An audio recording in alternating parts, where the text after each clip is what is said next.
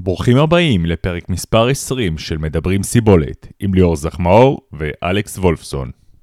והפרק, עדכון סטטוס תחרויות, רמאויות כאלה ואחרות בספורט סיבולת, ישראמן 2021, ו Stryd מוציאים הבהרה לגבי מה בדיוק המכשיר מודד.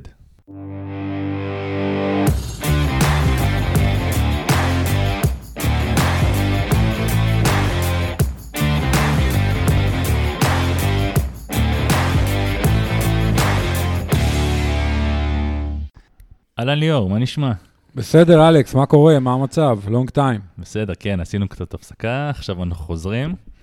Uh, טוב, אז בואו נספר כרגע על המצב בארץ. Uh, אנחנו נמצאים בסגר שלישי, בשבוע האחרון שלו. Uh, אתה אופטימי. כן. בכל מקרה, אנחנו נמצאים בתחילת פברואר, סגר שלישי, מדברים על יציאה ביום שישי, אולי ביום ראשון, אולי לא, הכל פתוח. כן, איכשהו כבר uh, הסתגלנו למצב הזה, גם uh, מבחינת אימונים, כל אחד יש את השגרה שלו. מה שכן, השחייה בים עכשיו היא יותר בעייתית, קשה להגיע לים. האמת, אני גר uh, יחסית קרוב לים, אבל uh, גם שם היום אני לא רואה הרבה שחיינים. כן, וגם המים קרים, וגם הייתה, היו ימים פחות טובים מבחינת התנאים בים. Uh, כן, פחות, uh, פחות טוב. אה, טוב, אז אה, בואו קצת אה, נדבר על איך הסגר, כי אנחנו יודעים שלנו יש סגר, וגם בעולם, כל המצב המטורף הזה, גם יש סגרים בכל העולם. איך זה, איך זה בעצם משפיע על כל הענף שלנו. אולי קודם כל נזכיר אפילו את חנויות האופניים, שזה משהו שאתה התייחסת אליו כבר בעבר במאמר שכתבת לא כל כך מזמן. ואנחנו רואים שמבחינת הזמנות אופניים, אני חושב שאם אני עכשיו בא לחנות, אני רוצה להזמין אופניים חדשות, אני צריך לחכות אה, שמונה חודשים אה, לאופני נגש, אופני כביש חדשות, מ, אתה יודע, מדגם יחסית בינוני ומעלה. כן, כן, שוק האופניים בטירוף. יש פקק רציני, לא רק בייצור האופניים, אלא בעיקר הייצור חלקים. חברות כמו שימאנו, סרם, החברות שמייצרות את כל המכלולים, אתה יודע, מעבירי הילוכים, שרשראות, פדלים, כל הדברים האלה, ממש יש אתה יודע, הם, אני חושב שהם בדיליי של איזה שנתיים. זאת אומרת, הם אה, עכשיו בשנתיים הקרובות אה, לא יכולים לקבל הזמנות. כמובן שגם השלדות, כל ייצור השלדות והגלגלים והכול מתעכב, והרבה מאוד אנשים מחכים הרבה מאוד חודשים לאופניים.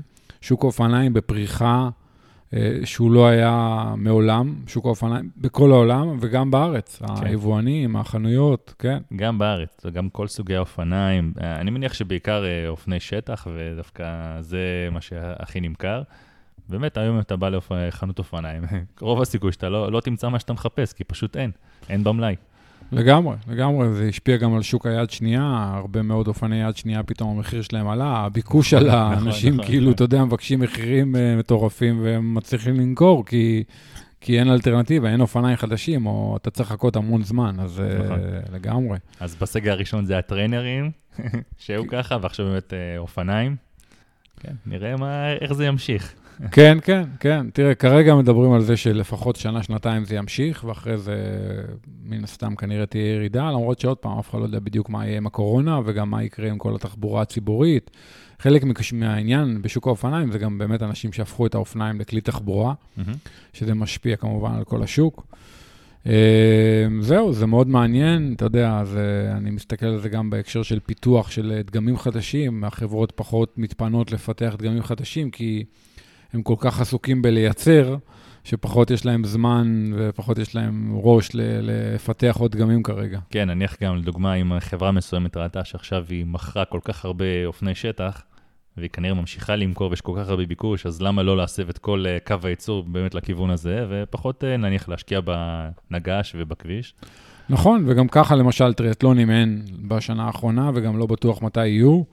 אה, ונגיד אופני הרים זה משהו שאנשים יותר משתמשים בו לפנאי ופחות אה, רק לתחרויות. אז uh, אתה יודע, לייצר למשל אופני נגש כרגע, לדעתי זה לא בדחיפות גבוהה עבורם, כי הביקוש לאופני נגש הוא יחסית לא גבוה. Mm-hmm. למרות שעוד פעם, כן ראינו כמה חברות שיצאו עם דגמים חדשים, סקוט, קניון, אורביה, uh, יצאו עם דגמים חדשים, ואני חושב שגם ימכרו לא רע, אבל בטח לא כמו אם היו תחרויות.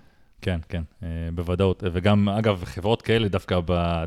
כאילו, אפשר להגיד שנגש זה נישה יחסית, אבל בנישה הזאת, עצם העובדה שהם כן הוציאו דגמים כאלה עכשיו, אז יש מצב שהם גם יפרחו בהשוואה לשאר, אה, לפחות בענף הקטן הזה שלנו.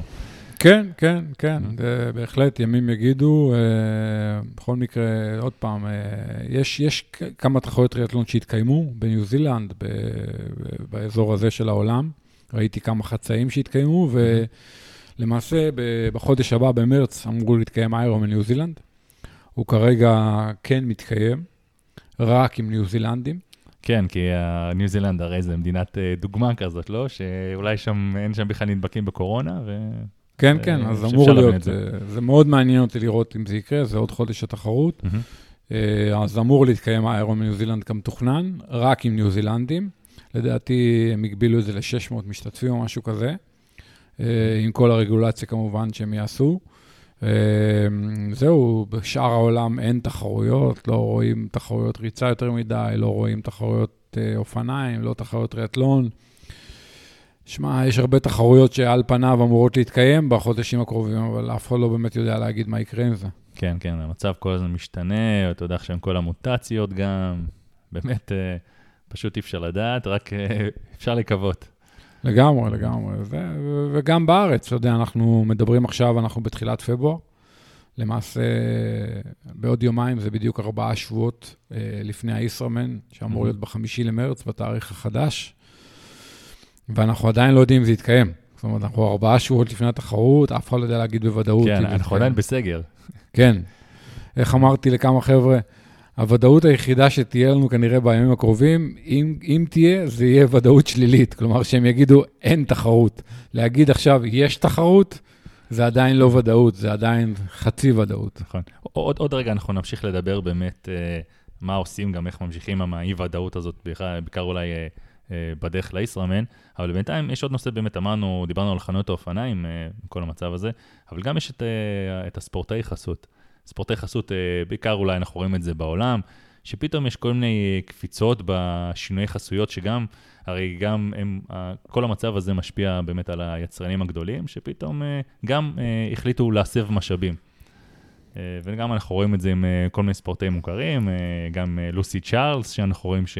עברה עכשיו מ Specialized ל Cube. באמת יכול להיות שיש פה הרבה מאוד שיקולים, אבל זה גם מאוד מעניין לראות את זה.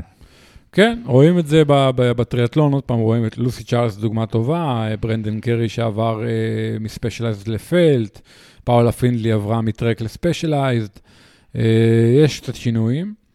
אה, ועוד דבר שרואים בהקשר הזה, uh, שהוא לא קרה רק בקורונה, אבל הוא בהחלט התעצם בקורונה, שהספורטאים התחילו להבין שהם צריכים לפתח לעצמם עוד אפיקים של חשיפה. Mm-hmm. קודם כל, כבר הרבה שנים אנחנו מבינים שהאינסטגרם והפייסבוק וכדומה זה כלים שהם מאוד חשובים ומשמעותיים לספורטאי חסות, למקצוענים. אבל בקורונה אתה רואה יותר ויותר ספורטאים שפתחו לעצמם ערוץ יוטיוב והתחילו לעשות כל מיני דברים אחרים. אמ, וזה הלך והתעצם. כן. ואני חושב שהספורטאים האלה, שיש להם הרבה מאוד... אה, אה, חשיפה באמצעים הטכנולוגיים ובכל הרשתות החברתיות, הם מקבלים עכשיו יותר חסויות, כי כשאין תחרויות, אז... אה, כן, אני אפילו רוצה לתת לך דוגמה למישהו אחד כזה, שאת אה, ג'וש, ג'וש אמברגר נראה לי, שאני חושב הוא היה בחסות של פלט לדעתי. ועבר לספיישל. ואז, ואז אני חושב שבשלב שהוא עבר, דיברנו ואמרנו, אוקיי, טוב, אה, כנראה הוא באמת עזב את Felt, ולא הימרנו על Specialized, כי Specialized זה נחשב חסות יוקרתית כזאת, כי גם נותנים את כל האפשרויות האלה של המנהרות רוח, את כל הבדיקות. אה, כאילו בחיים לא הייתי מהמר שהוא עבר ל Specialized, אבל הוא באמת ברשתות החברתיות, אתה גם רואה את ה... הוא כותב הרבה, בדרך כלל הדוחות תחרות שלו מאוד מצחיקים כאלה, כן. יש לו כן. מלא, מלא עוקבים, אז הנה, אתה פשוט אה, רואה את זה בפועל. נכון, הוא ספורטאי אה, הרבה יותר מעניין ממה שהוא טוב. אתה מבין? כן, כלומר, בדיוק. הוא לא עשה איזה הישג מטורף. כאילו, הוא חזק, הוא חזק, הוא במקטעים כן. מסוימים באיירונמן הוא היה ראשון, אבל uh, בשביל להיות הכי חזק צריך גם לסיים ראשון. ו... בדיוק, אז לא הוא, לא, הוא לא באמת בטופ העולמי, הוא לא היה ניצח את אליפות העולם, הוא היה על פודיום באליפות העולם או משהו כזה, אבל הוא ספורטאי מאוד מעניין. אתה כן, יודע, יש לו כן. הרבה עוקבים וכדומה, והיום העולם נמדד בכמה עוקבים יש לך ולא כמה תחרויות ניצחת. נאהב את זה או לא. אבל אה, אתה יודע, זו דוגמה, דוגמה יפה, אה, המברגר. אה, אז בהקשר הזה, אתה יודע, הקורונה באמת אה, עוד יותר העצימה את המגמה שעוד ראינו לפני הקורונה, של ה... כן, ואז אני אשאל אותך, באמת אתה רואה את כל הספורטאים האלה, מתחילים עם כל מיני אתגרים כאלה, אה, בשביל לצלם את זה, בשביל כן לספק איזשהו אקשן כזה לצופים. אז מצד אחד זה באמת מגרה את הספורטאי, ואולי זה באמת הרבה כאילו מפנים את עצמם לכל מיני אתגרים מיוחדים כאלה, כמו סנדרס עם הריצת אה, חמש קילומטר, וזה דברים שונים לגמרי ממה שהוא עשה עד עכשיו. השאלה מה זה עושה לו גם כספורטאי. וגם אתה רואה אתגרים אחרים ששמעתי עליהם, נניח לוסי צ'ארלס, ושמעתי גם... כן, האתגר החדש שהם הולכים לעשות באביב שנה כן, הבאה. כן, sub שמונה שעות. כן, sub שבע ו sub שמונה. מה, כן. מה אתה חושב על כל האתגרים האלה? שמע, תראה, פרודנו עשה איירומן השנה מהבית, Mm-hmm. אבל הוא כאילו התרים כסף, ואז הוא גם נראה טוב ויצא טוב, וכמובן כן. זה היה לא טוב מבחינת החסויות והכל, אבל הוא כאילו התרים, אה, נדמה לי, 250 אלף יורו או משהו כזה. ואז הוא גם נראה טוב. סנדרס עשה שיא אישי בוולודרום, עשה, ניסה לשבור, לשבור את השיא הקנדי בוולודרום, ו... ואתה רואה כל מיני דברים כאלה. אה, ואתה רואה ששנה הבאה מתכננים באמת איזשהו ניסיון לשבור את אה, גבול שבע שעות באיש ברזל גברים ושמונה שעות באיש ברזל נשים, שזה הרבה הרבה יותר מהר ממה שהצליחו לעשות עד היום. השיא כן. עד היום הוא, אצל נשים הוא 8.18, שזה קריסי וולינגטון ברוט 2011, לדעתי, ואצל גברים זה 7.35 ב Roth של אה, פרודנו. פרודנו. כן. והם ינסו לקזז הרבה מאוד זמן מתוך הדבר הזה, שזה פרויקט שהוא שיווקי, אתה יודע, זה כמו ה sub ה sub, שעתיים ב- בדיוק, ב- של נייקי, בדיוק. כן, אתה יודע, נכון. כן, העולם מאוד אוהב את זה. אני בטוח שאם יעשו את הפרויקט הזה, יהיה לו המון אה, חשיפה.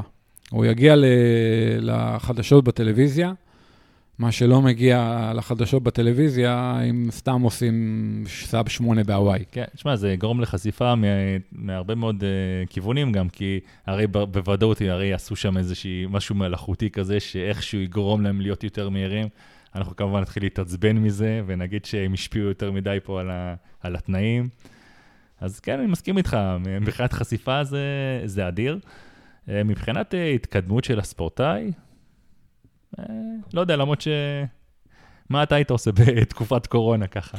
עוד פעם, אני, אישית פחות מתחבר לדברים האלה, אבל אני יכול להבין את הצורך שלהם לעשות את זה, גם ברמה האישית בשביל לשמור על מוטיבציה, וגם ברמה של חשיפה וחסויות וכדומה. אוקיי, ונחזור uh, חזרה אלינו לארץ. Uh, אז הזכרת באמת קודם uh, את האיסרמן ואת הספורטאים שנמצאים בכזה חוסר ודאות. Uh, לפי מה שאני זוכר, בדרך כלל uh, שלושה שבועות לפני האיסרמן uh, יש מחנה אימונים, אתה בדרך כלל נמצא שם. מה, מה, מה, מה קורה עכשיו? תשמע, היינו אמורים להיות מחנה אימונים בשבוע הבא, אני לא רואה את זה קורה, אנחנו יום רביעי, הייתי אמור להיות ביום רביעי, אני אמור להיות יום רביעי הבא במחנה אימונים. באי הירוק. כן, אני לא רואה את זה קורה בעוד שבוע מהיום. אה, תשמע, אני מסתפק בזה שיהיה ישראמן, אתה יודע מה, כן. אפילו בלי מחנה אימונים. אגב, גם אני רשום השנה לישראמן, אחרי שש שנים אה, שלא עשיתי, מאז 2015. אני רשום אמנם לחצי, אבל אתה יודע, אני גם מתאמן. כן, הוא מספר לכולם שהוא בן 47 והוא חלש והוא זקן. אל נכון. ת- אל תאמינו לו. כן.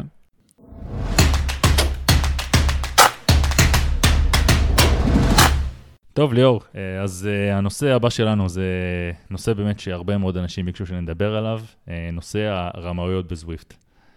אה, אנחנו אולי לא ניכנס עכשיו לדקויות בדיוק של הרמאויות, סלאש זיופים, סלאש מניפולציות שהיו בקבצים. בשורה התחתונה יש שתי רוכבות ישראליות, בעצם הואשמו על על ידי זוויפט, אחת אה, בנובמבר, אחת אה, רק השבוע. ובעצם הזוויפט... מה- מה זה זוויפט? אני צוחק, אבל כן. אני יודע, אבל תגיד רגע מה זה כן, זוויפט. כמובן... אה, ומה זה תחרות בזוויפט, ומה זה אוקיי. לרמות בזוויפט. נכון, אז אה, כמובן זוויפט זה פלטפורמת אה, פלטפורמת אה, רכיבה וירטואלית, שבעצם אה, לכל, לכל מי שיש טרנר בבית, אה, יכול באמצעים אלקטרוניים, נקרא לזה, אה, להתחבר לזה, אתה רואה תמונה על המחשב, אתה, בעצם אתה רוכב עם עוד אנשים בעולם, מהמם. במין אפליקציה כזאת אה, נחמדה. ואפשר לעשות בזה ממש תחרויות. ואפשר לעשות בזה ממש תחרויות, ואני אגיד לך יותר מזה, אפשר לעשות מזה גם כסף, אם אתה טוב. אה, במיוחד עם כל הקורונה, היא מאוד חיזקה את האפליקציה הזאת, ואתה רואה שם ממש מקצוענים, גם ברמות של פרו-טור, יש היום כסף בתחרויות. איזשהו חיבור בין ספורט לבין גיימינג.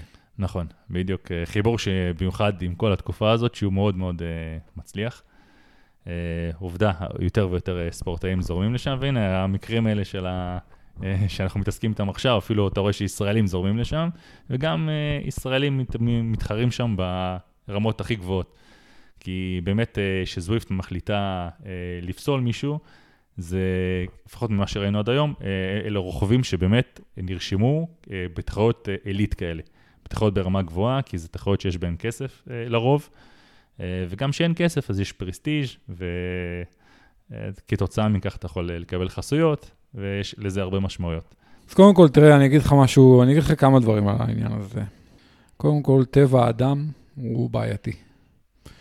ברגע שיש תחרות, זה לא משנה אם היא תחרות בפועל, אם היא תחרות אופניים, תחרות ריצה, תחרות טריאטלון, תחרות דוקים, או תחרות גיימינג, או תחרות בזוויפט. תמיד אנשים ירצו אה, להגיע בתוצאה כמה שיותר טובה, במיקום כמה שיותר טוב. ואנחנו רואים את זה כל הזמן, שטבע האדם בהקשר הזה של תחרויות, הוא מוציא מאנשים צדדים אה, פחות טובים. אז אנחנו רואים את זה גם בארץ וגם במקומות אחרים בעולם, ועוד מעט אפשר לדבר על זה באופן רחב, על חומרים אסורים, קיצורים וכל מיני מניפולציות אחרות. ספורטאים שלקחו טרמפים במרתון ומה שאתה רוצה. ואנחנו רואים שזה הגיע גם לסטראבה וגם למשל לזוויפט, אוקיי? בסוויפט, אני לא משתמש בזוויפט בעצמי, ואני פחות מתחבר לאפליקציות האלה, אבל uh, ברגע שיש תחרות, קודם כל יש בעיה טכנית בעיניי לעשות רגולציה. אז קודם כל, זה כבר בעייתי, כי יכול להיות גם בן אדם שהוא לצורך העניין ישר ולא התכוון לעשות שום uh, רמאות, אבל הוא עשה איזושהי בעיה מבחינת הקבצים והטכנית, ו- ובסוף... כי נדרש פה ידע טכני בסופו של דבר בשביל לספק להם את הנתונים שהם רוצים, אם אתה מתחרה ברמות האלה. ואז בסוף בן אדם עלול, אתה יודע, עוד פעם, אה, אני לא יודע אם זה קורה, אבל יכול להיות תיאורטית, בן אדם שיהיה ישר ועדיין ייראה לא טוב, וייראה כאילו ניסה לעשות איזושהי רמאות מסוימת, כי נפל לו החשמל באמצע התחרות, או התנתק לו האינטרנט, או נפל לו ה... אה, אה, המחשב, או אני לא יודע מה קרה לו, אתה מבין? ואז מישהו יגיד, אה, הוא קיצר, הוא רימה, הוא עשה מניפולציה, הוא מחק, הוא שינה. אז זה כבר בעייתי בעיניי. אני לא אוהב את התחרויות האלה, כי באמת אי אפשר בצורה טובה בעיניי לאכוף את הדברים. Uh, אתה יודע, שהספורטאי נדרש להישקל ולהגיד כמה הוא שוקל, ולראות שהמד ואטים שלך מקוייל, ואולי הטריינר שלך לא מקוייל, ובעיניי אתה לא יכול לצאת מזה. נכון, אני, אני מסכים איתך, באמת יש פה הרבה נקודות בעתיות. מצד שני, הם כן כל הזמן עובדים באמת על הפיתוח של כל הענף הזה, איך, איך תקרא לזה. אה, הם כן מנסים לפתח כנראה טריינרים כאלה שלהם, של זוויפט, ש... או אופניים מיוחדות, שכנראה כולם ירכבו נניח על אותם אופניים, ואז באמת יהיה משהו מאוד אחיד, כי הרי הבעיה הכי גדולה פה נובעת מהחוסר האחידות בנתונים. אני כן יודע שהם גם כן מנסים לעקוף את זה. מבחינת, אה, אם זה רוכבים מקצועיים, הם, הם מבקשים מהרוכבים עצמם לבצע טסטים בחוץ, ולהוכיח להם שבאמת יש להם את היכולת הזאת. הם נדרשים לעשות uh, טסטים מסוימים, ממש לצאת החוצה, לעשות טסט של 20 דקות, ולהביא להם את הגרמינים של הטסט, ולהוכיח להם יכולת. שוב פעם, אנחנו יודעים שגם את זה אפשר לזייף. כן, אתה גם רואה שאתה מתחיל להסתבך. אז פתאום כבר אומרים לך, תעשה טסט בחוץ, ותישקל, ותראה תמונה של המשקל שלך, ותראה... אתה מבין שברגע שאתה מתחיל להסתבך עם רגולציה כל כך מסורבלת, כנראה שאתה בסוף צריך להבין שכנראה זה לא ריאלי. זה לא ריאלי כי אתה צריך עוד כלל ועוד חוק ועוד רגולציה ועוד מנגנון, אז זה לא ריאלי. מתי בעיניי אי-ספורט יכול לעבוד טוב?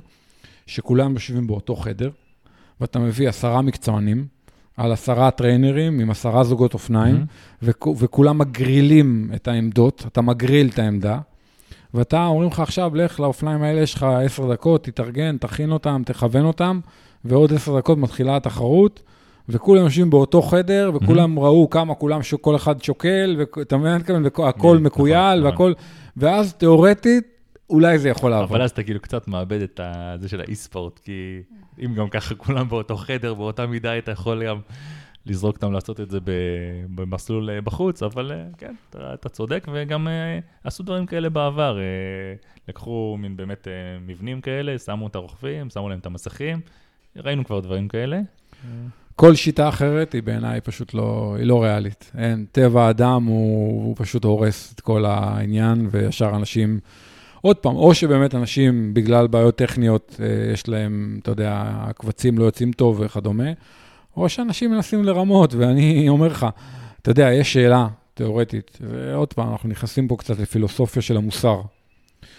אם עכשיו אתה לוקח אלף ספורטאים שרשומים לישראמן, ואתה היית יכול לתת לכל בן אדם אפשרות לרמות, ולהבטיח לו שמעולם לא יתפסו אותו. אף אחד לא ידע. אף אחד לא ידע, מעולם, גם עוד 100 שנה, גם אחרי שהוא ימות, אף אחד לא ידע שהוא רימה. והרמאות הזאת תעזור לו להגיע לתוצאה יותר טובה, מיקום יותר טוב, פודיום, לא יודע מה. כמה אנשים היו בוחרים לרמות? ואני אומר לך שהרבה יותר ממה שאתה היית רוצה להאמין. זאת אומרת שאם בן אדם היה יודע שלא יתפסו אותו, הרבה מאוד אנשים היו בוחרים לרמות. ההנחה שהאדם לא ירצה לרמות כי הוא רוצה להיות ישר, כי הוא רוצה לא לפגוע בחברים שלו שמתחרים לצידו, כי הוא רוצה להיות מסוגל להירדם בלילה, היא הנחה נאיבית, אוקיי? Mm-hmm. כי אנחנו גם יודעים שאנשים יכולים לשכנע את עצמם שהם לא נכון, לא רימו. נכון. אתה יודע, דן אריאלי כתב על זה שלושה ספרים, על היכולת שלנו לשכנע את עצמנו שזה בסדר מה שעשינו, שהצצנו בתשובות uh, במבחן. אז uh, אני לא בונה על המוסר של אנשים בכלל, ואחרי 20 ומשהו שנה בספורט סיבולת, אני ממש לא בונה על המוסר של אנשים. אז אני אגיד לך, כנראה שגם זוויפט אה, לא בונים על זה, ובגלל זה כנראה הם נוקטים פה יד אה, כל כך נוקשה בכל אה, מה שקשור לזה. כי נניח הרוכבות, לפחות הישראליות, באמת אה, נפסלו על אה, מניפולציה של קובץ, ולא על הרמאות עצמה אה, בתחרות או משהו בסגנון. אה, ועכשיו באמת נשאלת השאלה, אתה יודע, זה המון המון כוח ל Zwift. בסופו של דבר זה סוג של, היא מבצעת כאילו את התפקיד של כל הרשויות. היא גוזרת את ה... היא גם עושה את התחרות, גם גוזרת פה את הגזר דין. מפרסמת את השמות, שזה גם לא דבר פשוט, אתה יודע, פרסום שכזה של אה, שם, שבכל העולם אה, מכירים את זה, אתה רואה ב CyclingTips, מתפרסמת ידיעה עם השם שלך, ב Cyclingnews. Zwift הפכה להיות המקבילה של פייסבוק, אינסטגרם, וואטסאפ, טלגרם, טיק טוק בעולם הגדול. הגופים האלה, הם נהיו מפלצות. ברגע שגוף נהיה מפלצת, אתה יודע, זהו, הוא יש לו רגולציה. פייסבוק יכולים להחליט מה יעלה ומה לא יעלה. מחליטים שהסרטון הזה הוא טוב לרשת והסרטון ההוא לא טוב לרשת. האם זה גם תואם את האג'נדה, נגיד, הקפיטליסטית שלהם? אולי, אתה יודע. Mm-hmm. זאת אומרת, ברגע שהגוף הוא, הוא נהיה גדול וחזק, לפעמים הוא נהיה גדול וחזק נכון. עד כדי כך שכבר, אתה יודע, הוא כבר שולט ב- בהכל. ואני חושב שעם זוויפט זה בהחלט נראה ככה. כן, אני, וגם תזכור שכרגע הם גם איכשהו נראה לי מקושרים גם ל-UCI, אז בכלל, פסילה כזאת של זוויפט במשחק וירטואלי, אה, גם פוסל, יש מצב שהיא גם פוסלת אותך בתחרויות בחוץ. אה, ויש לכך אה, מאוד, מאוד הרבה השלכות. אז באמת, אני, בטוח שמבחינתי זה מוגזם לגמרי, באמת העניין הזה שהם מבצעים את הכל, ואולי באמת צריך לעשות פה איזו הפרדה, שיהיה איזה גוף אחר חיצוני, כמו שנניח יש את וואדה, נניח שמפקחת על, uh, ספור, uh, על הספורט מבחינת סימום, שגם פה תהיה איזו ועדה חיצונית שכן uh, תפקח על זה, אחרת אני לא רואה איפה, לאן זה הולך. אז בוא נדבר על וואדה. אם כבר נגעת בוואדה, זה גוף שאני עוקב אחריו הרבה הרבה שנים והוא מעניין אותי. שתגיד קודם כל מה זה וואדה? וואדה זה World Anti-Doping Agency. זה בעצם הגוף העולמי שאחראי על uh, שמירת החוקים בספורט. המקצועני בכל מה שקשור לחומרים אסורים, מניפולציות דם, אה, אישורים רפואיים, ובעצם אמור לדאוג שיהיה בעצם אה, ספורט הוגן ו- וכדומה, אחראי על כל הבדיקות. אה, הגוף הזה, כמובן שיש לו גם שלוחה ישראלית, בעצם הסוכנות הישראלית למניעת סימום בספורט. שמע, הגוף הזה, הקימו אותו בעצם הארגונים האולימפיים, הארגון האולימפי, השקיע בו הרבה מאוד משאבים, הרבה מאוד כסף, כאילו מין מח"ש של המשטרה, לצורך העניין. אבל הגוף הזה הוא בעיניי, הוא, אין לו הרבה כוח. יש לו הרבה פחות כוח ושיניים בהשוואה לגופים הגדולים, לליגות הגדולות. במיוחד שמעורב הרבה כסף. אה. כן. Mm-hmm. אני לא רואה שיש כל כך הרבה בדיקות אה, בפוטבול האמריקאי, בבייסבול האמריקאי, ב-NBA. כנראה ששם אין הרבה בדיקות, גם בספורט הישראלי יש הרבה פחות בדיקות ממה שאני הייתי רוצה. וגם בענפים מסוימים, אני חושב, יש יותר, בענפים מסוימים פחות. כן, אבל גם נניח אם אנחנו מסתכלים על התקופה עכשיו, זו גם תקופה קצת uh, בעייתית, עם הקורונה, לא יודע בדיוק uh, גם uh, את היחס שלהם לזה, אז בטוח גם כאן יש מורכבויות. יכול להיות, אבל לא, לא שופט את הדברים רק בפרספקטיבה של השנה האחרונה. אז באמת, אני חושב שאתה יודע, אני חוזר על העניין המוסרי, אני חושב שיש בעיה עם הספורט בכל העולם, ברגע שמעורב הרבה כסף. והרבה מאוד תהילה ופרסום. ספורטאים יש להם נטייה לרמות, זה התחיל מהמקצוענים לפני הרבה מאוד שנים, אתה יודע, עשרו, הרבה עשרות שנים, ובשנים האחרונות חלחל גם לספורטאים החובבנים. והרבה פעמים אנשים שואלים אותי, ליאור, למה זה מפריע לך? מה אכפת לך שישראל ישראלי רימה בישראמן, ונניח אה, סיים באחד המקומות הראשונים? למשל, תחרויות שאני מתחרה בהן. Mm-hmm. אז אני אומר להם, זה מאוד מפריע לי. זה מאוד מפריע לי בכמה רמות. א', אני חושב שכל מי שעוסק בספורט, והוא בן אדם מוסרי, הוגן וישר, רוצה שמסביבו כולם יהיו כאלה. כדי שהוא ירגיש שהוא מתחרה באנשים מוסריים, אה, ישרים ו- וכדומה. שתיים, יכול להיות שהוא קיבל נגיד איזה פרס כספי. אתה יודע, בישראמן נגיד למנצח יש פרס כספי, אז יכול להיות שהוא לקח למישהו אחר אה, עכשיו 5,000 או 10,000 שקלים, שזה הרבה כסף בשבילו. שלוש, יכול להיות שהוא לקח לו עכשיו, אה, לא יודע, חסויות, כי יש לו ספונסרים, הוא היה יכול לקבל עוד ספונסרים. ו- וגם ברמה של התחושה והעבודה הקשה, בן אדם נתן שנה, השקיע את נשמתו, התאמן אה, נגיד ברצינות, ובסוף בא מישהו מרמה, רמאות כזו או אחרת, ומנצח את התחרות, או מגיע לפניו, אז זה בהחלט מפריע לי, גם mm-hmm. ברמה שלי כצופה בענפי ספורט uh, מסוימים, אבל גם ברמה שלי כספורטאי שמשתתף בתחרויות מסוימות. ולכן השאלה מה זה מפריע היא שאלה בעיניי לא נכונה והיא לא רלוונטית.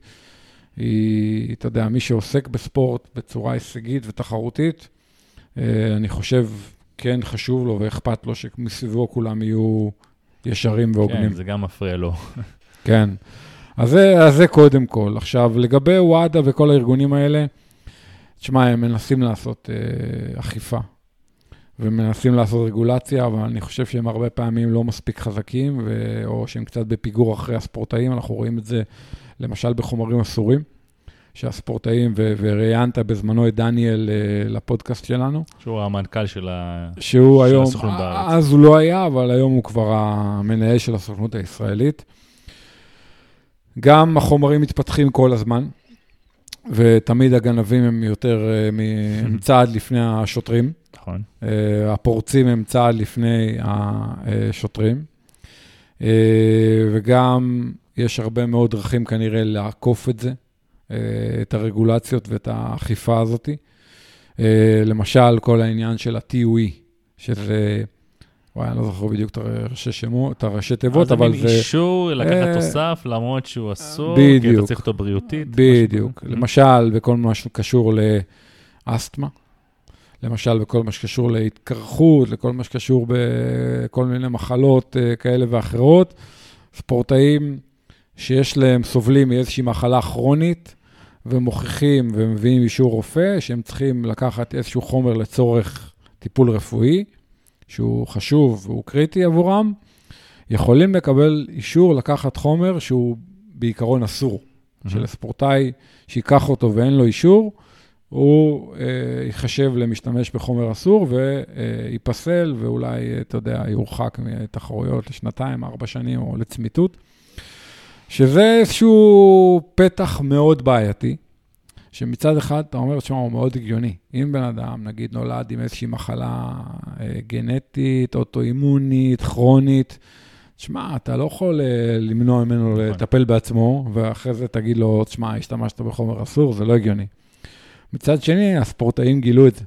ולפני כבר כמה שנים טובות ראינו שלמשל בפרו-טור, היו שם. אחוזים מטורפים של אה, אסתמטים. כן, כן. אז אתה אומר, תשמע, באוכלוסייה, נגיד, לא יודע, אסתמה זה נגיד אחוזים בודדים, נגיד, אתה יודע, אתה אומר, תשמע, אולי אה, פה זה משהו חריג, אבל כמה חריג זה יכול להיות? אתה יודע. מסתבר שזה ממש מדבק ב...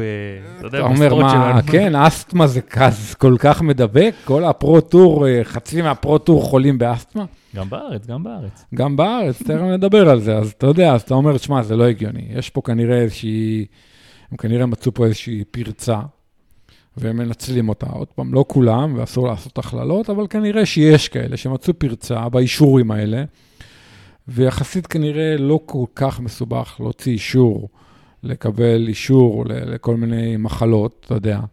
אה, לא יודע, אני, יש לי קרחת, אז אני יכול להוציא אישור, כנראה שאני צריך תרופה ל... אה, אתה יודע, ל, ל, אני אוהב את הקרחת שלי ואין לי שום רצון לשנות את זה, אבל אתה מבין מה אני מתכוון. והספורטאים לאט לאט גילו את הפרצה הזאת והתחילו לנצל אותה. עכשיו נגיד, אה, אתה יודע, אני שאלתי את דניאל איזה יום על העניין של המשאפים.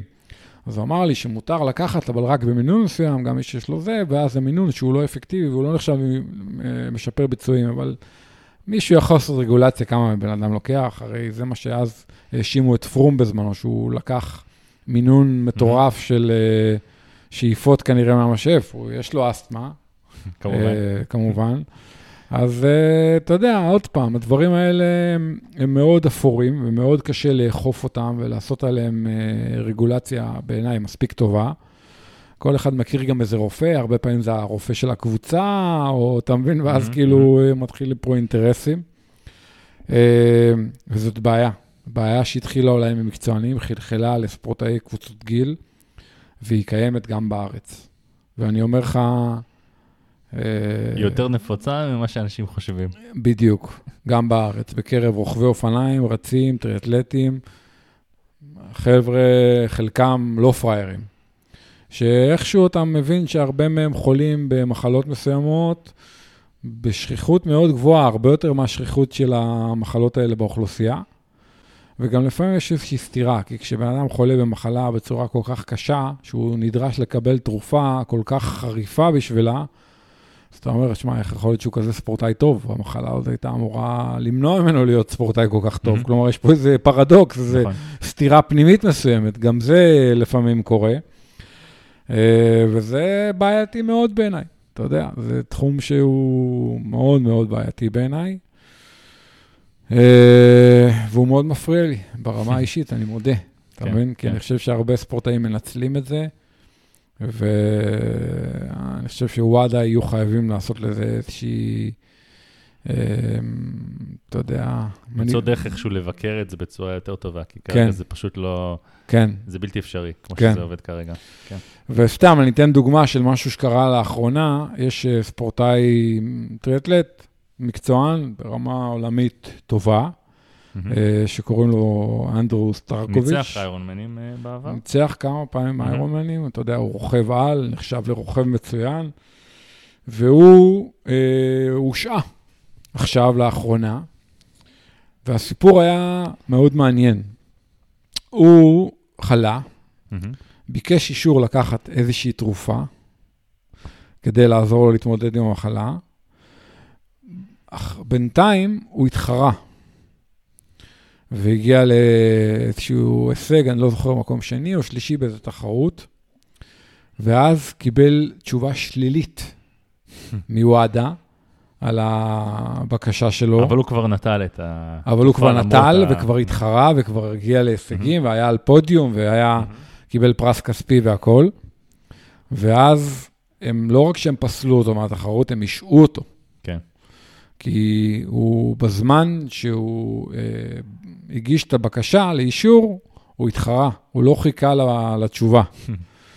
אה, וזה היה מאוד מעניין, זה מקרה מאוד מעניין, כי גם סטרקוביץ', זה אחד מהספורטאים שאני יודע בוודאות שהוא מאוד נלחם בכל כן. התופעה של החומרים האסורים נכון. ושל המניפולציות אה, כאלה ואחרות, וזה מקרה מאוד מעניין. אה, עוד פעם, הנושא הזה הוא, אני, אתה יודע, אני אומר, הוא קרוב לליבי, כי אני רואה מה קורה בתחרויות בעולם ומה קורה בתחרויות בארץ, גם עם ספורטאי קבוצות גיל, וזה מאוד מפריע לי.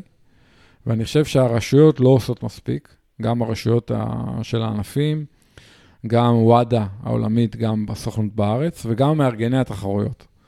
אתה יודע, אני אומר כל הזמן, תחרות כמו אפיק ישראל, תחרות כמו איסטרמן, חייבת לעשות בדיקות חומרים אסורים. גם... כי הרבה יגידו לך מה האינטרס שלהם לעשות את זה. מה, אתה באמת רוצה לתפוס מישהו כזה אצלך עכשיו בתחרות? התשובה היא כן, אני רוצה. אני רוצה. אני רוצה שאם מישהו הוא לא נקי, שיתפסו אותו. שתיים, אני רוצה שתיווצר הרתעה, כי ברגע שיהיו בדיקות, אז אנשים יותר יחשבו, יחששו ויחשבו פעמיים לבוא, אה, אתה יודע, עם חומרים אסורים בדם לתחרות. ושלוש, אני רוצה לעשות בדיקות לפני התחרות. כלומר, לא רק בתחרות, גם פתאום חודש לפני התחרות ידפקו למישהו בדיילט ויעשו לו בדיקה. כמו שעשו לך פעם. נכון, כמו שעשו לי, ואתה יודע, כשעשו לי, כשאני נבדקתי, שנתיים, שלוש, לא זוכר כמה, אה, באו אליי הביתה. כן. אגב, הם התקשרו אליי כן לפני, כי הם רצו לוודא שאני בבית. שזה הנוהל הרגיל, כאילו? כן, הם התקשרו אליי איזה חצי שעה לפני שהם הגיעו, אולי קצת יותר. ובדקו אותי.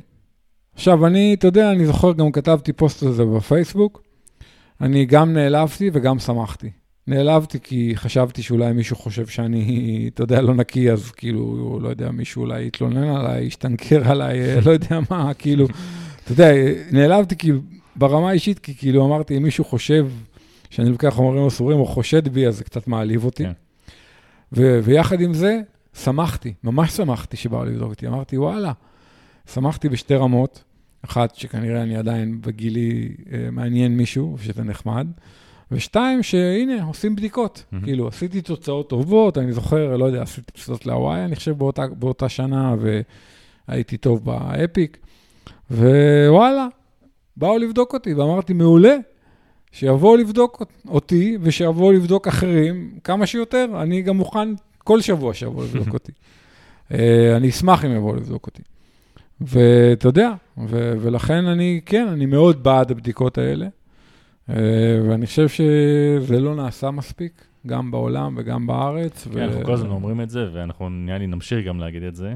אני איתך לגמרי בזה. באמת, זה, במיוחד בארץ, לפחות ההרגשה שלנו באמת שזה לא נעשה מספיק. Uh, אתה יודע, נעזוב רגע את התקופה עכשיו, אבל באמת זה משהו שצריך, לא יודע, פשוט להגביר. אני, אתה יודע, תמיד הרי גם התשובה פה גם היא ש... אולי חסר מימון גם לדברים האלה, כי צריך הרבה גם uh, מימון. גם במיוחד, uh, נניח, אם זה מתבצע בתוך התחרות, אז מארגן התחרות הוא זה שצריך לממן את זה. הערכות האלה עולות הרבה כסף, אבל uh, שמע, אני חושב שהיתרון של זה הוא הרבה יותר גדול מה, אתה יודע, מכל הכסף שאתה יודע, ילך לטמיון או יושקע בדבר הזה. לגמרי, אני חושב שצריך לחייב את מארגני התחרויות לעשות בדיקות.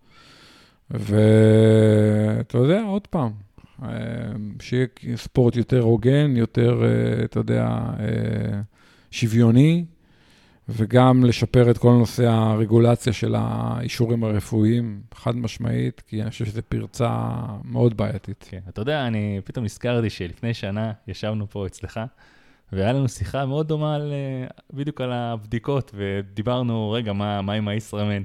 יהיו שם בדיקות, יהיו בדיקות בישראמן, לא יהיו בדיקות בישראמן. אז נכון, עכשיו המצב אה, שונה לגמרי בגלל הקורונה, אבל עכשיו איכשהו אנחנו אפילו לא, לא שואלים את השאלה הזאת. נכון, אבל גם הקורונה לא תירוץ, אז מה, אז עכשיו אפשר לחגוג כאילו, אתה מבין מה, המשטרה אה, אומרת, טוב, אפשר לפרוץ לחנויות, אין לנו זמן, אה, אנחנו עושים מחסומים, אז אתה יודע, אין דבר כזה. אז מה אם יש קורונה? אז מה, אי אפשר לעשות בדיקות של חומרים אסורים? אני לא מקבל את זה. אה, אתה יודע, אבל אני חושב שחייבים לעשות איזשהו שינוי בהקשר הזה, כי זה הולך ונהיה יותר גרוע, וגם אני אומר לך שזה כמו אש בשדה קוצים. ברגע שספורטאים מוצאים, מוצאים פרצה, עוד אחד שומע על זה, עוד אחד מתחיל עם זה, נכון, עוד נכון, אחד, בדיוק. אתה יודע, נכון. וזה פתאום אתה מגלה שענף שלם כן, הוא... אתה יודע, מישהו אחר רואה כמה, כמה זה קל, כמה זה קל לעשות, ולא לא קורה, אף אחד לא עושה עם זה שום דבר. אתה רואה את החבר שלך כל כך משתפר, מה, אז למה, למה שגם אני לא אעשה? מה, מה הבעיה? בדיוק. אה, לא עשו לי כלום גם ככה הרי. בדיוק, ואז אתה רואה שזה פתאום בקבוצות מסוימות, באוכלוסיות מסוימות, אתה רואה שזה פתאום מתפשט, ואתה רואה שכל האזור הוא נגוע, או כל הקבוצה היא נגועה. ואני אומר לך שאני לא, אתה יודע, יש דברים שקורים. אמ, ומה שמפריע לי גם, שלא, גם כשקורה, לא מפרסמים. לא, אתה יודע, שומרים על זה בשקט, לא מפרסמים שמות, וגם שהדברים נשכחים. אני יודע על כמה ספורטאים ישראלים שנתפסו על חומרים אסורים, והשתיקו את זה, או שהשכיחו את זה, ולי זה מפריע. אתה מבין? מבחינתי הם מוכתמים... מה, כי היום הם מתחרים לידך כתף לכתף, כאילו לא קרה כלום. נכון, ולי זה מאוד מפריע. אה, מבחינתי הם מוכתמים לעד. אה, אגב, היה להם צ'אנס לא להיות מוכתמים לעד. אתה יודע מה היה הצ'אנס שלהם? אם הם היו מודים. מודים, כן. כן. אתה יודע, דיוויד מילר, שהיה רוכב אופניים מאוד מפורסם והיה אלוף העולם בזמנו בנגש, אני מאוד מעריך אותו. כי הוא, כשהוא נתפס, הוא הודה די מהר, והוא הושעה, והוא אחרי זה הפך להיות אה, די, אתה יודע, כאילו, אחד מלוחמי הצדק. מהמם. ובן אדם כזה, הרבה יותר קל לי לסלוח לו. הוא אומר, אני בתקופה שהייתי, אין, כולם השתמשו בחומרים אסורים, גם אני השתמשתי, זה היה טעות, זה... הוא הודה די מהר, והרבה יותר קל לי לסלוח לו, אה, ולקבל אותו בחזרה לספורט, נגיד, לצורך העניין, מאשר בן אדם שעד היום מתעקש שהוא נקי, ויש כאלה, ו... ועוד שכולם יודעים שהוא לא היה נקי. אה, אז אני כן חושב שצריך להוקיע את האנשים האלה, כי אם, כי אם מקבלים אותם חזרה ושוכחים מהר מאוד מה היה, אז אה, אתה יודע, אז כן, זה לא כמובן, אני מרתיע. אחדד מה שאמרת, להוקיע את אלה שבאמת לא הודו בזה, ופשוט עבר- עברה תקופת זמן, ופשוט חזרו כרגיל, כאילו לא קרה כלום. נכון, בדיוק, אתה מבין? ואני תמיד חושד באנשים האלה שנתפסו בעבר ולא הודו. אני תמיד אומר, וואלה, אני לא בטוח שהוא...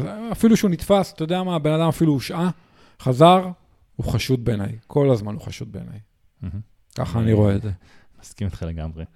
ואני אסכם, ושוב פעם נחזור אולי להתחלה, כמו שדיברנו על התחרות, אה, דיברנו על תחרות אה, וירטואליות אמנם בזוויפט, אבל היום, שמע, קיימות כבר הרבה מאוד אפליקציות, יש הרבה מאוד תחרות כאלה. מבחינתנו, לפחות כל הדבר הזה, באמת, התוצאות הן בעירבון מוגבל, קל מאוד להרמות בפלטפורמות האלה, במיוחד שאתם אה, לא פרו ואתם לא נדרשים לספק כל כך הרבה קבצים והוכחות. אה, יש המון, היום מיליון ממצאים שאפשר לרמות בהם. אז שוב פעם, כל, כל אלה שכותבים לנו את ההודעות על הרמאויות, וזה רימה באפליקציה כזאת, זה רימה באפליקציה אחרת. אה, כולנו מודעים לזה, גם אתם צריכים להיות מודעים לזה. פשוט אה, קחו את זה בחשבון, בחשבון שזה קורה.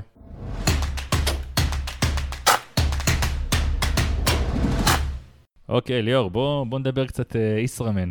אמרנו שיכול להיות, לפחות אנחנו מקווים שעוד חודש, אה, עוד חודש ויומיים התחרות אה, תתקיים.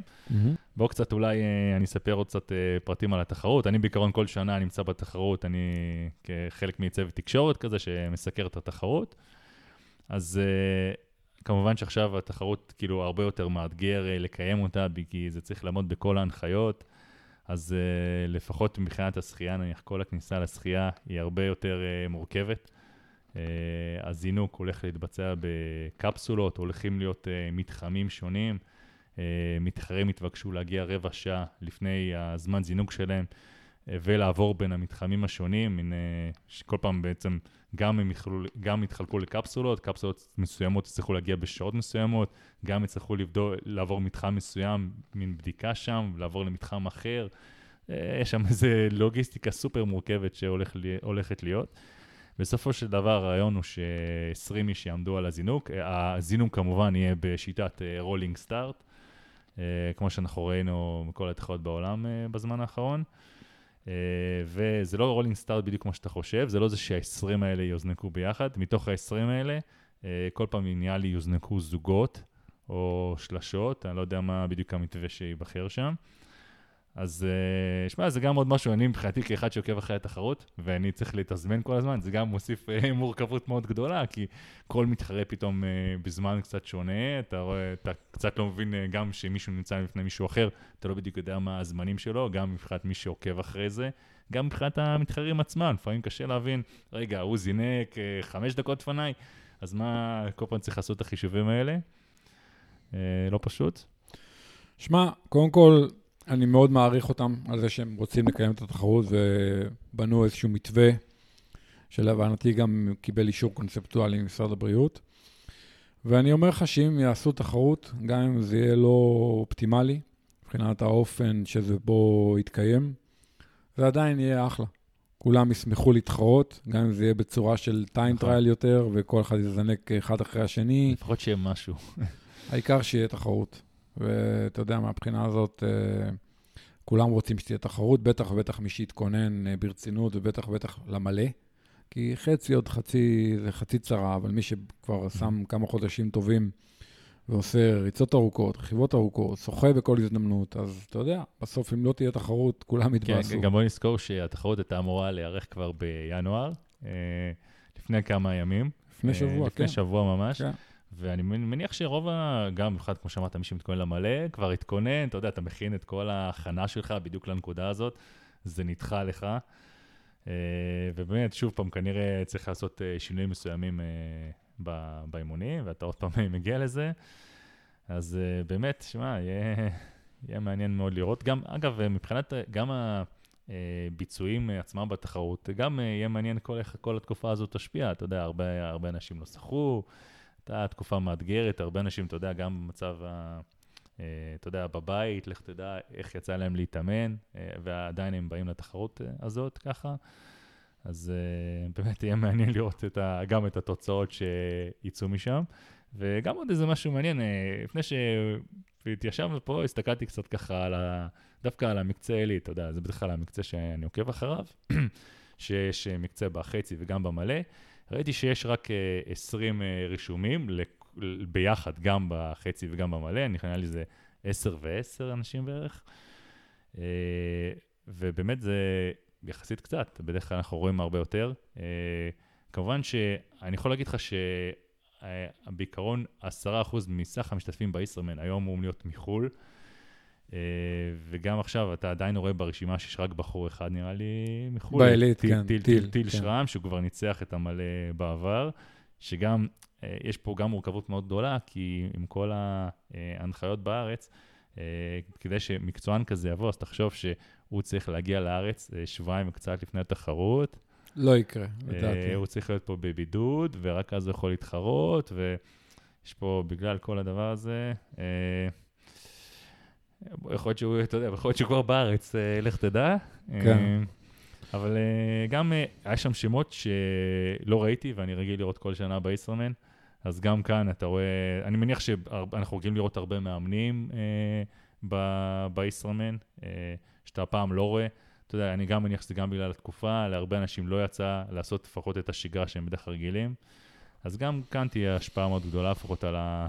בסוף, בסוף על התוצאות. אה, כן, תראה, מבחינת העילית, אני חושב שמבחינת כמות אין פחות משנה רגילה, יש פשוט פחות זרים. בדרך כלל יש כמה זרים, בשנים האחרונות יש כמה זרים, חלקם חזקים. אה, אני חושב שבימים האחרונים נרשמו עוד כמה אנשים לעילית, אה, ומצד שני אני חושב שיש כמה חבר'ה ישראלים חזקים שרשומים למלא ולחצי, אבל לא בעילית. מבחירה שלהם בחרו לא להירשם לעילית. אנחנו יודעים שהעילית, ברגע שאתה נרשם לעילית, אז אין פודיום קבוצות גיל. זאת אומרת, אני רשום לעילית, אני בן 47, יש שם חבר'ה שהם פחות מחצי מגילי. כן. כנראה שהם ינצחו אותי, אני מקווה בשבילם שינצחו אותי, אז אני לא אהיה על הפודיום, אבל אני, יש לי מספיק גביעים, אני לא צריך עוד גביע, ואני הולך להשתעשע מול העילית נגיד, אבל הרבה אנשים, אה, אתה יודע, רוצים לנצח בקבוצת גיל שלהם, ולקבל את הגביע של הישראמן, ולעמוד על הפודיום וזה, ואז הם בוחרים לא להשתתף בעילית. יכול להיות שחלקם יעשו תוצאות יותר טובות משלי, אתה מבין? אבל הם לא Mhm. יהיו בא- באותה תחרות כמוני. נכון, שצריך להגיד שזו תחרות שונה לגמרי. באמת, כל ה... אז אפשר להגיד, האסטרטגיה שלך לתחרות וכל הגישה, זה כאילו, אתה נמצא בתחרות, כאילו, אתה מתחרה אפילו ביום אחר, אפשר להגיד. זה משהו, אי אפשר בכלל לחבר את זה לתחרות הרגילה של הקבוצות גיל. שזה נכון. משהו שהרבה אנשים לא, לא מבינים, הם חושבים, אה, זה אותו דבר, אנחנו עושים בעצם אותו מסלול. אבל לא, זה דינמיקה שונה לגמרי, אתה צריך לדעת אם ללכת עכשיו עם המתחרה שלך, או ההפך, לשחרר. יש פה הרבה מאוד אה, ניואנסים ש... חד משמעית. הדינמיקה היא שונה, כי נכנסת פה הרבה יותר אסטרטגיה וטקטיקה. בעוד שכשאתה מתחרה בקבוצת גיל שלך, אם אתה הכי חזק בקבוצת גיל שלך בי פאר, ואתה אתה די מתחרה לבד נגד עצמך, עוד פעם, לטוב ולרע. אה, עוד פעם, אני, אתה יודע, אני כבר לפני הרבה שנים הבטחתי לעצמי שאני כבר לא מתחרה נגד הצעירים, אבל אני לא עומד בהבטחה הזאת, אז אני נרשמתי לעילית. תשמע, עם השנה הזאת, באמת, נראה לי אתה חייב את זה לעצמך, אתה יודע, לפחות שתהיה איזושהי תחרות, אני חושב שהתבטלו לך כל כך הרבה תחרויות השנה. לגמרי, ואני גם נהנה, כאילו, אתה יודע, אני נהנה לשחק את המשחק, כאילו, פחות חשוב לי ה-end product, כאילו, אתה מבין מה אני מתכוון? אה, בשנה שעברה הגעתי בטריאטלון תל אביב 11, מקום 11. התחרתי כאילו ב... קראנו לזה אז masters pro לדעתי. אה, וואלה, נהניתי. לא עניין אותי שהגעתי במקום 11, נהניתי, הייתי פקטור, שיחקתי את המשחק, הייתי חלק מהתחרות, כן, ככה אני רואה את זה, כן, בסוף זה. זה הרבה הרבה סיפוק, אני חושב שיש כאן... כן. פחות חשוב לי הפודיום והגביע, נגיד, ואתה יודע, עוד פעם, אבל אני יכול להבין אנשים אחרים, אה, חלקם, למה הם לא מתחרים בעילית, בטח ובטח את המבוגרים יותר. מי שצעיר, בן 30, 35, והוא חזק, אני חושב שהוא צריך להיות בעילית. כאילו, הוא יכול להתחרות בעילית, והוא עומד בקריטריונים ש... שמוכתבים על ידי הישראמן, אני חושב שהוא צריך להתחרות בעילית. ובאמת ההבדל העיקרי, חוץ מאמרנו שזה תחרות שונה לגמרי, זה גם הכסף שבעילית, יש גם אה, פרסים אה, כספיים, נכון. שגם אם עכשיו בקבוצות גיל, כמו שאמרת, אתה, מישהו יסיים אה, לפניך והיית נניח על הפודיום, אז עדיין אתה תקבל את הכסף ולא הוא. כן. אוקיי, ובסדר, אז uh, חוץ מזה, אני עוד פעם אחזור על זה, כי אני חושב שנמשיך לקבל את השאלה הזאת הרבה הרבה עוד בהמשך, האם הישראמן הולך להתקיים, האם הישראמן הולך להתקיים, אז לפי לפחות מה שאנחנו יודעים, ואני יכול לספר לכם, הם עושים הכל שהוא כן יתקיים, ובעיקרון יש את האישורים, רק באמת צריך לראות שאנחנו מגיעים לתקופה, לתקופה הזאת וזה כן מתקיים, ולא פתאום uh, יש עוד איזה מוטציה אילתית או משהו בסגנון שימנע את זה, וזה אף אחד מאיתנו לא יודע ולא נוכל להגיד, אבל כן, הכל הולך לכיוון כן לקיים את התחרות. אה, אלכס, בשבועות, חודשים האחרונים, גם אתה וגם אני משתמשים ב Stryd, דיברנו על זה גם בפודקאסט. בפרק הקודם ממש. כן, אני כתבתי על זה כמה פעמים, והתראיינתי על זה בפודקאסט של אה, שלו וגלעד. אה, כל נושא, נקרא לזה במרכאות, מד ואטים לריצה. ובאמת בשבועות האחרונים Stryd פרסמו איזושהי הבהרה לגבי מה בדיוק המכשיר הזה עושה. אני אישית, אה, עוד לפני זה התעקשתי לקרוא לזה מד עצימות ולא מד ואטים, והפרסום של Stryd ולגבי ההבהרה הוא די מחזק את אה, טענתי. מהמם. אה, אז בוא רגע תספר מה, מה Stryd פרסמו ומה אתה חושב על זה. כן, בעצם יצא איזשהו מסמך כזה, קוראים לזה white paper, מסמך מדעי של לגבי מה המוצר עושה, שזה, אגב, מעניין, כי המוצר עצמו קיים מ-2015, ונשמע שעד היום, אה, לפחות איך שהוא פורסם, אה, זה די ברור מה הוא עושה, הוא מודד לך ואטים בריצה. כן, Uh, עד היום, כמו שאתה יודע, uh, אנחנו נניח כן התחברנו למוצר, וגם סיפרנו שאנחנו כן מאוד אוהבים להשתמש בו, אבל מבחינה מדעית, אם תשאל עכשיו מדען מה זה ואטים בריצה, הוא יגיד לך, אין דבר כזה. זה לא, מבחינה מדעית זה לא מוכח, וזה נשמע, זה, זה לא הגיוני בכלל. בגלל זה אתה גם קורא לזה מד עצימות. עכשיו, uh, במסמך הזה שיוצא, ולא יודע איך שזה, זה פחות איך שהוא התפרסם אולי, אבל uh, הם פתאום התחילו, הם, הם מפרידים את הוואטים ל... לשתי קבוצות שונות. הם אומרים שיש מה שנקרא ואטים מטאבוליים, שאפשר להגיד, זה כמו צריכת הקלוריות, זה כמה קלוריות עכשיו בזבזת אה, באימון עצמו, ויש ואטים מכניים, שאפשר להגיד, זה כמו שעכשיו אתה רץ, וזה הכוח שבו אתה עכשיו פוגש את הקרקע, ואתה דוחף. ועכשיו, אני לא יודע אם אנחנו רוצים להיכנס עכשיו בדיוק להבדלים בין אה, שניהם, אבל אה, בסופו של דבר, מה שהם אומרים, שמה שהם מודדים, מודדים זה את הוואטים המטאבוליים, זה בעצם את כמה קלוריות אתה מוציא. ועכשיו, איפה בעצם הבעייתיות כאן? אה, ובמספרים ש Stryd מראה. אה, ובגלל זה גם היה היה לנו חשוב בעצם עוד פעם לעשות את הפודקאסט הזה עכשיו בשביל ההבהרה הזאת. בסופו של דבר שאנחנו רגילים למד, לוואטים, אנחנו רגילים אה, לראות אותם באופניים למספרים מסוימים, אתה, כל אחד רגיל למספרים שלו, יש את ה-FTP. אה, באופניים, הוואטים המטאבוליים והוואטים המכניים הם אחד לאחד. אוקיי? זאת אומרת, עכשיו עבדת ב-15% אה, העלית את הוואטים שלך, אתה גם, הצריכת קלוריות שלך היא גם תעלה ב-15%. ב- או בריצה זה לא אותו דבר. בריצה, בגלל אה, שכל, זה גם תלוי בטכניקה שלך, שיכולה להיות שונה, אה, כל, עצם העובדה שאתה משנה קצת את התנועה, הכל משפיע על הצריכת קלוריות שלך. החישוב הוא שונה לגמרי. זאת אומרת, אתה לא יכול להשתמש באותו חישוב. אז כבר, גם לפי Stryd, החישוב, שאיך שהם עד עכשיו הם התייחסו לזה כוואטים מכניים, הוא לא הגיוני. אה, אז מה שהם אומרים, שהם בעצם הסתמכו על המדידת מדידת קלוריות הזאת, ש, שזה ההוצאה של הקלוריות שאתה מוציא. אוקיי? ואז הם אמרו, ואז נשאלת השאלה, רגע, אז מה זה המספר הזה שאני רואה ב Stryd? הוא מאוד דומה למה שאני רגיל לראות מעולם הוואטים באופניים. ואז לפחות מה שקראתי, הם קצת מין גמגמו בתשובה, ומה שבעצם נאמר על ידם זה שעשינו את זה ככה, אה, כי אתם, כי אנשים רגילים לראות את זה מאופניים, אז הבאנו להם מספרים שמוכרים, שלא פתאום, אה, אה, אתה יודע, פתאום תראה שיש לך אלף ואט בריצה. מה זה אומר? אנשים כאילו זה יראה להם מוזר. בסופו של דבר, המספר הזה כן מראה איזשהו יחס מסוים, יחס עבודה מסוים שלך, אבל הם פחדו להציג לך מספר שממש יראה לך לא מוכר, ואז אתה לא תדע מה עושים עם זה בכלל. אז גם פה זה נראה קצת, אה, אתה יודע, אחרי שש שנים שהם בתחום, פתאום אה, לצאת במין מסמך כזה, שקודם כל, אה, זה יפה מאוד שהם, מבחינת אמינות, וואו, כאילו, אני אומר, זה מדהים. מבחינה שיווקית, אני רואה אולי שיש כאן, כאן איזה, איזושהי בעיה. שמע, אני חושב שעדיין אנחנו מאוד אוהבים את המוצר, אני ואתה משתמשים בו ביום-יום, נכון? לגמרי. אה, ואני כן אמשיך להשתמש בו. אה, באמת, אבל כשאני קורא את זה, זה גורם לי לחשוב פעמיים אה, על המספרים ובאמת על הדיוק שלהם ומה זה בדיוק אומר. אבל כמעט עצימות זה מכשיר מדהים. באמת, מאימון לאימון, אני כל הזמן מסתכל על המספרים, זה כן, העצימות משתנה, ככל שאני משתנה, אתה משנה את העצימות, המספרים משתנים, במיוחד בעליות, וזה סופר אפקטיבי. אבל זה כן חידוד שהיה לנו חשוב להגיד, כי אנחנו כן המלצנו על המוצר, וזה כן משהו חשוב שאנשים ייקחו לתשומת ליבם, שהם קונים את המוצר. לגמרי. עוד פעם, אני עדיין חושב שזה מוצר שימושי. אני רואה קורלציה, כמו שאמרת, בין המאמץ לבין המספרים. אני רואה כמה זה אפקטיבי, למשל בעליות, ברוח פנים, כי יש לזה גם מד רוח. Uh, ומבחינתי אני עדיין אמשיך לקרוא לזה מד עצימות, וזה פחות חשוב לי הקטע, אתה יודע, המתמטי נגיד, או משהו כזה, הטכנולוגי. חשוב לי שזה עוד כלי שעוזר לי להיות שוטר יותר טוב של עצמי.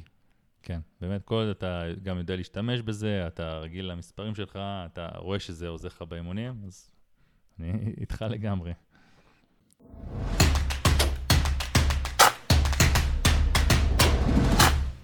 אם נהניתם מהפודקאסט, אנחנו נשמח אם תחלקו אותו עם חברים שלכם, פשוט תשלחו להם את הקישור לאתר שלנו, endurancetalks.com, או תפנו אותם לכל פלטפורמת פודקאסטים קיימת, iTunes, Spotify וכולי.